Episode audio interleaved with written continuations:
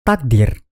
Peramal berusaha untuk meramalkan sesuatu yang benar-benar tidak dapat diramalkan. Sophie tetap memusatkan pandangannya ke kotak surat, sementara dia membaca tentang Demokritus. Tapi untuk berjaga-jaga, dia memutuskan berjalan menuju gerbang halaman. Ketika membuka pintu depan, dia melihat sebuah amplop kecil di anak tangga depan, dan jelas surat itu dialamatkan kepada Sophie Amundsen. Jadi, dia telah diperdaya. Hari ini, ketika Sophie mengawasi kotak surat dengan seksama, si orang misterius telah menyelinap ke rumah dari sudut lain dan meletakkan surat itu begitu saja di atas anak tangga sebelum kabur ke hutan lagi. Sial, bagaimana dia tahu bahwa Sophie tengah mengawasi kotak surat hari ini? Apakah dia telah melihatnya di jendela? Bagaimanapun, Sophie merasa gembira menemukan surat itu sebelum ibunya tiba. Sophie kembali ke kamarnya dan membuka surat itu. Amplop itu sedikit basah di sudut-sudutnya dan ada dua lubang di pinggirnya. Mengapa begitu? Catatan kecil di dalamnya berbunyi, Apakah kamu percaya pada takdir? Apakah penyakit itu hukuman dari para dewa? Kekuatan apa yang mengatur jalannya sejarah? Apakah dia percaya pada takdir? Dia sama sekali tidak yakin. Tapi dia tahu banyak orang yang percaya, ada seorang gadis di kelasnya yang membaca ramalan bintang dalam majalah. Namun, jika percaya pada astrologi, mereka barangkali juga percaya pada takdir. Sebab para ahli astrologi menyatakan bahwa posisi bintang-bintang memengaruhi kehidupan manusia di atas bumi. Jika kamu percaya bahwa seekor kucing hitam yang melintasi jalanmu berarti sial, itu artinya kamu percaya pada takdir bukan? Ketika dia memikirkan hal itu, Beberapa contoh lain mengenai fatalisme masuk ke benaknya. Mengapa begitu banyak orang mengetuk-ngetuk kayu misalnya? Dan mengapa hari Jumat tanggal 13 dianggap sebagai hari sial? Sophie pernah mendengar bahwa banyak hotel tidak mempunyai kamar nomor 13. Itu pasti karena banyak kali orang yang percaya takhayul. Takhayul? Alangkah anehnya kata itu. Jika kamu percaya pada astrologi atau hari Jumat tanggal 13, itu adalah takhayul. Siapa yang berhak menyebut kepercayaan orang lain itu tahayul? Namun, Sophie yakin akan hal itu. Demokritus tidak percaya pada tahayul. Dia adalah seorang materialis. Dia hanya percaya pada atom dan ruang hampa. Sophie berusaha memikirkan pertanyaan-pertanyaan dalam catatan itu. Apakah penyakit itu hukuman dari para dewa? Tentunya tidak ada orang yang mempercayai hal itu sekarang ini. Namun teringat juga olehnya bahwa banyak orang beranggapan bahwa berdoa dapat membantu penyembuhan. Jadi, bagaimanapun, mereka pasti percaya bahwa Tuhan mempunyai kekuasaan atas kesehatan orang-orang. Pertanyaan terakhir lebih sulit untuk dijawab. Sophie belum pernah terlalu banyak memikirkan apa yang mengatur jalannya sejarah. Itu pasti orang-orang ya. Jika itu adalah Tuhan atau takdir, berarti manusia tidak mempunyai kehendak bebas. Gagasan mengenai kehendak bebas membuat Sophie memikirkan sesuatu yang lain. Mengapa dia harus menahan diri menghadapi filosof misterius ini yang mengajaknya bermain kucing-kucingan? Mengapa dia tidak dapat menulis surat kepadanya? Dia, entah pria entah wanita, sangat mungkin meletakkan sebuah amplop besar lain di kotak surat pada malam hari atau suatu saat besok pagi. Sophie akan bersiap-siap agar surat untuk orang ini sudah bisa diberikan nanti. Sophie bergegas memulai. Memang sulit untuk menulis surat kepada seseorang yang tidak pernah dilihatnya. Dia bahkan tidak tahu orang itu pria atau wanita, atau apakah dia sudah tua atau masih muda. Oleh karena itu, sang filosof misterius mungkin malah seseorang yang telah dikenalnya.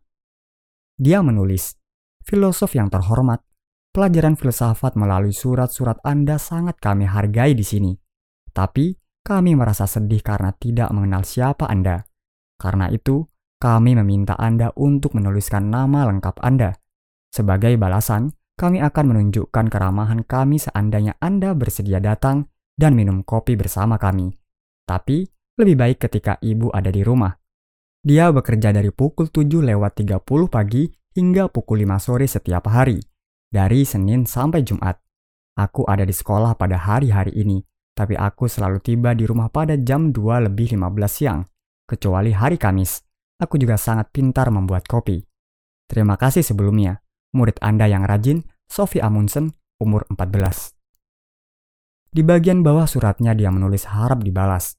Sophie merasa surat itu terlalu resmi, namun sulit untuk mengetahui kata-kata mana yang harus dipilih jika kita menulis surat untuk seseorang tak dikenal. Dia masukkan surat itu ke dalam sebuah amplop merah jambu dan menunjukkannya kepada sang filosof. Masalahnya adalah di mana meletakkan surat itu agar ibu tidak menemukannya. Dia harus menunggunya pulang sebelum meletakkannya di kotak surat. Dan dia juga harus ingat untuk berhenti di kotak surat pagi-pagi besok sebelum koran datang. Jika tidak ada surat baru yang ditunjukkan untuknya sore ini atau malam harinya, dia nanti harus meletakkan amplop merah jambu itu lagi. Mengapa semuanya harus demikian rumit? Malam itu, Sophie masuk ke kamarnya lebih awal, meskipun hari itu hari Jumat. Ibunya berusaha untuk merayunya dengan pizza dan film cerita di televisi. Tapi Sophie berkata bahwa dia lelah dan ingin pergi ke tempat tidur dan membaca. Sementara ibunya duduk menonton televisi. Dia menyelinap keluar ke kotak surat dengan membawa suratnya. Ibunya jelas khawatir. Dia mulai berbicara kepada Sophie dengan nada yang berbeda sejak urusan dengan kelinci putih dan topi pesulap itu. Sophie tidak suka menjadi sumber kekhawatiran ibunya. Namun dia tetap harus naik ke kamarnya dan mengawasi kotak surat. Ketika ibunya datang sekitar jam 11, Sophie sedang duduk di depan jendela memandang ke jalan. Kamu jangan duduk diam di situ mengawasi kotak surat, katanya. Aku dapat melihat apa pun yang kusukai. Aku kira kamu pasti benar-benar sedang jatuh cinta, Sophie. Tapi jika dia akan memberimu surat lagi, dia pasti tidak akan datang pada tengah malam. Sophie muak dengan segala omongan tentang cinta, tapi dia harus membiarkan ibunya tetap percaya bahwa hal itu benar. Apakah dia orang yang memberitahumu tentang kelinci dan topi pesulap? Tanya ibunya. Sophie mengangguk. Dia, dia tidak minum obat bius kan? Kini Sophie merasa benar-benar kasihan kepada ibunya. Dia tidak boleh membiarkannya khawatir begini. Meskipun tampaknya Sungguh gila beranggapan bahwa hanya karena seseorang mempunyai gagasan yang sedikit aneh, dia pasti mengidap sesuatu. Orang-orang dewasa terkadang memang tolol. Katanya, Mam, aku janji tidak akan pernah menyentuh barang semacam itu, dan dia juga tidak. Tapi dia sangat berminat pada filsafat. Apa dia lebih tua daripada kamu? Sophie menggelengkan kepalanya. Umurnya sama denganmu? Sophie mengangguk. Aku yakin dia sangat manis sayang. Kini menurutku kamu harus berusaha tidur. Namun, Sophie tetap duduk di dekat jendela selama waktu yang sepertinya berjam-jam. Akhirnya, dia hampir tidak dapat membuka matanya lagi. Saat itu jam satu. Dia baru saja akan pergi ke tempat tidur ketika dia tiba-tiba melihat sebuah bayang-bayang muncul dari hutan. Meskipun nyaris gelap di luar, dia dapat melihat bentuk sosok manusia. Itu seorang pria dan Sophie mengira dia tampak sangat tua. Tentu saja orang itu tidak seusia dengannya. Dia mengenakan semacam baret. Sophie bersumpah bahwa orang itu melihat ke atas ke arah rumah, tapi lampu kamar Sophie padam. Orang itu melangkah langsung ke kotak surat dan menjatuhkan sebuah amplop besar ke dalamnya. Ketika dia akan meninggalkannya, dilihatnya surat Sophie. Dia mengelurkan tangannya ke dalam kotak surat dan meraihnya. Saat berikutnya, dia berjalan cepat kembali ke hutan. Dia bergegas melalui jalan ke dalam hutan dan menghilang. Sophie merasakan jantungnya berdegup kencang. Insting pertamanya adalah lari mengejarnya dalam pakaian tidur. Tetapi dia tidak berani mengejar seorang asing di tengah malam buta. Tapi dia tetap harus pergi keluar dan mengambil amplop itu. Setelah beberapa saat, dia menuruni tangga pelan-pelan, membuka pintu depan dengan diam-diam, dan lari ke kotak surat. Dalam sekejap, dia sudah kembali ke kamarnya dengan amplop di tangan. Dia duduk di atas tempat tidur, menahan nafas.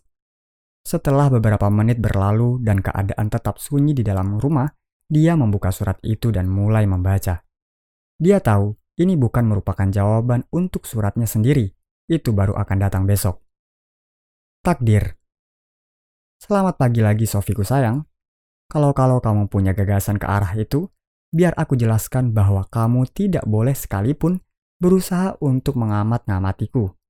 Suatu hari nanti kita akan bertemu, tapi akulah yang akan memutuskan waktu dan tempatnya. Dan itu tidak boleh ditawar-tawar lagi. Kamu tidak akan melanggar perintahku, bukan? Tapi kembali pada para filosof, kita telah mengetahui bagaimana mereka berusaha menemukan penjelasan alamiah bagi perubahan-perubahan yang terjadi di alam. Sebelumnya, semua ini telah dijelaskan melalui mitos. Tahayul lama juga telah dihapuskan dari bidang-bidang lain. Kita melihat keberhasilannya dalam masalah penyakit dan kesehatan, dan juga dalam peristiwa-peristiwa politik. Dalam kedua bidang itu, orang-orang Yunani sangat mempercayai fatalisme. Fatalisme adalah kepercayaan bahwa apa pun yang terjadi telah ditentukan. Kita temukan kepercayaan ini di seluruh dunia, bukan hanya sepanjang sejarah, melainkan juga pada zaman kita sekarang ini. Di negeri-negeri Skandinavia, kita temukan ada kepercayaan kuat pada laknadan atau nasib dalam saga Islandia Edda. Kita juga menemukan kepercayaan baik di Yunani kuno maupun di bagian-bagian dunia lainnya bahwa orang-orang dapat mengetahui nasib mereka dari semacam ramalan. Dengan kata lain, nasib seseorang atau sebuah negara dapat diramalkan dengan berbagai cara. Kini, masih banyak orang yang percaya bahwa mereka dapat membaca nasib melalui kartu, rajah tangan, atau meramalkan masa depan lewat bintang-bintang. Suatu versi khusus Norwegia dalam hal ini adalah meramalkan keberuntungan melalui cangkir kopi. Jika secangkir kopi telah kosong, biasanya masih ada sisa-sisa yang tertinggal di dasar cangkir. Ini dapat membentuk suatu gambaran atau pola tertentu, paling tidak jika kita biarkan imajinasi kita bebas. Jika dasar itu menyerupai mobil, itu mungkin berarti bahwa orang yang minum kopi dari cangkir itu akan bepergian jauh dengan mobil. Dengan demikian, peramal berusaha untuk meramalkan sesuatu yang sesungguhnya tidak dapat diramalkan. Ini merupakan ciri khas dari segala bentuk ramalan. Dan justru karena apa yang mereka lihat itu demikian kabur, sulit untuk menyangkal apa yang dikatakan oleh sang peramal. Jika menatap ke arah bintang-bintang, kita melihat lautan titik-titik yang berkelip-kelip.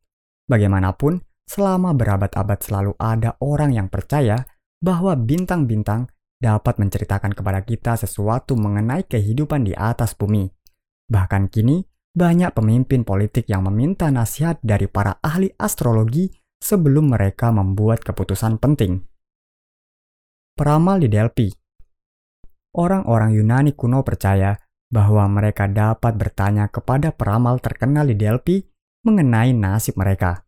Apollo, dewa peramal, berbicara melalui pendeta wanita Pitia yang duduk di sebuah bangku tinggi di atas terkahan tanah, yang dari situ keluar asap hipnotis yang membuat Pitia tak sadarkan diri. Ini memungkinkannya untuk menjadi juru bicara Apollo. Ketika orang-orang datang ke Delphi, mereka harus mengajukan pertanyaan kepada pendeta peramal yang menyampaikannya kepada Pitia. Jawaban-jawabannya sangat kabur atau mengandung makna ganda sehingga para pendeta harus menerjemahkannya. Dengan cara itu, orang-orang mendapatkan manfaat dari kebijaksanaan Apollo dan percaya bahwa dia mengetahui segalanya, bahkan tentang masa depan. Ada banyak kepala negara yang tidak berani maju berperang atau mengambil keputusan besar lainnya sebelum mereka bertanya kepada sang peramal di Delphi. Para pendeta Apollo karenanya berfungsi sebagai semacam diplomat atau penasehat mereka adalah ahli-ahli yang memiliki pengetahuan luas tentang orang-orang dan negeri itu. Di atas pintu masuk ke kuil Delphi terpampang tulisan terkenal, "Kenali dirimu sendiri." Itu mengingatkan para pengunjung bahwa manusia tidak boleh mempercayai bahwa dirinya lebih dari sekedar makhluk hidup yang kelak akan mati, dan tak seorang pun dapat lolos dari takdirnya. Orang-orang Yunani menyimpan banyak cerita tentang orang-orang yang takdirnya selalu membuntuti mereka. Sejalan dengan berlalunya waktu, sejumlah sandiwara, tragedi, ditulis tentang orang-orang yang tragis ini. Yang paling terkenal adalah tragedi Raja Oedipus. Sejarah dan ilmu pengobatan Tapi takdir tidak hanya mengatur kehidupan individu. Orang-orang Yunani percaya bahwa sejarah dunia pun diatur oleh takdir, dan bahwa keberuntungan dalam perang dapat diubah oleh campur tangan para dewa. Kini masih banyak orang yang percaya bahwa Tuhan atau kekuatan misterius lainlah yang menentukan jalannya sejarah. Namun, pada saat yang sama, ketika para filosof Yunani berusaha untuk menemukan penjelasan alamiah terhadap proses alam, para ahli sejarah pertama mulai mencari-cari penjelasan alamiah mengenai jalannya sejarah. Jika sebuah negara kalah dalam perang, balas dendam para dewa tidak lagi merupakan penjelasan yang dapat mereka terima. Ahli sejarah Yunani paling terkenal adalah Herodotus. 484 sampai 424 sebelum Masehi dan Thucydides 460 sampai 400 sebelum Masehi. Orang Yunani juga percaya bahwa penyakit dapat dianggap sebagai akibat campur tangan ilahi. Sebaliknya, para dewa dapat membuat orang kembali sehat jika mereka memberikan persembahan yang layak. Gagasan ini bukan hanya milik orang Yunani. Sebelum berkembangnya ilmu pengobatan modern, pandangan yang paling luas diterima adalah bahwa penyakit itu muncul karena sebab-sebab supranatural. Kata influenza benar-benar mengandung arti pengaruh jahat dari bintang-bintang. Bahkan kini, ada banyak orang yang percaya bahwa beberapa penyakit, AIDS misalnya, merupakan hukuman Tuhan. Banyak pula orang yang percaya bahwa orang yang sakit dapat disembuhkan dengan bantuan kekuatan supranatural. Bersamaan dengan timbulnya arah baru dalam filsafat Yunani, ilmu pengobatan Yunani pun bangkit dan berusaha untuk menemukan penjelasan alamiah menyangkut penyakit dan kesehatan. Pendiri ilmu pengobatan Yunani kabarnya adalah Hippocrates yang dilahirkan di Pulau Kos sekitar 460 sebelum Masehi. Pelindung paling penting untuk melawan penyakit menurut tradisi medis Hippocrates adalah sikap tidak berlebihan dan cara hidup yang sehat.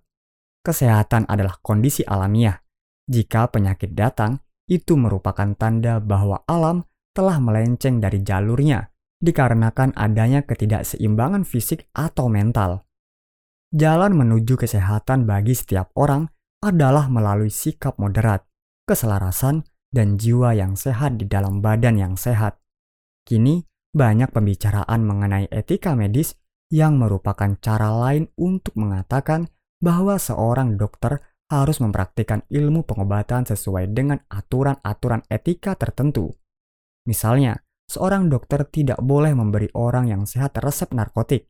Seorang dokter juga harus menjaga kerahasiaan profesi, yang berarti bahwa dia tidak diizinkan untuk mengungkapkan sesuatu yang diceritakan oleh pasien kepadanya mengenai penyakitnya. Gagasan ini berasal dari Hippocrates. Dia menuntut para muridnya untuk mengucapkan sumpah berikut ini.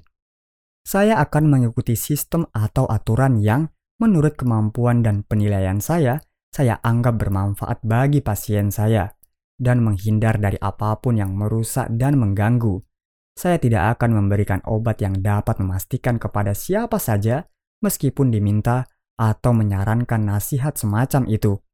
Dan dengan cara yang sama, saya tidak akan memberi seorang wanita sarana untuk melakukan pengguguran kandungan.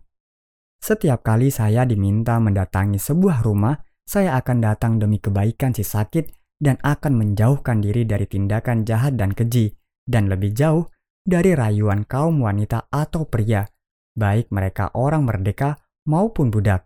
Apa pun dalam kaitan dengan praktik profesional saya, yang saya lihat atau dengar mengenai sesuatu yang tidak boleh diungkapkan sembarangan, saya akan tetap merahasiakannya. Selama saya tetap mematuhi sumpah ini, Semoga saya diperkenankan untuk menikmati hidup dan mempraktikkan ilmu ini, dihormati oleh semua manusia di sepanjang zaman. Namun, seandainya saya melanggar sumpah ini, semoga nasib sebaliknya lah yang menimpa saya. Sophie bangun dengan kaget pada suatu pagi. Apakah itu hanya impian atau dia benar-benar telah melihat sang filosof?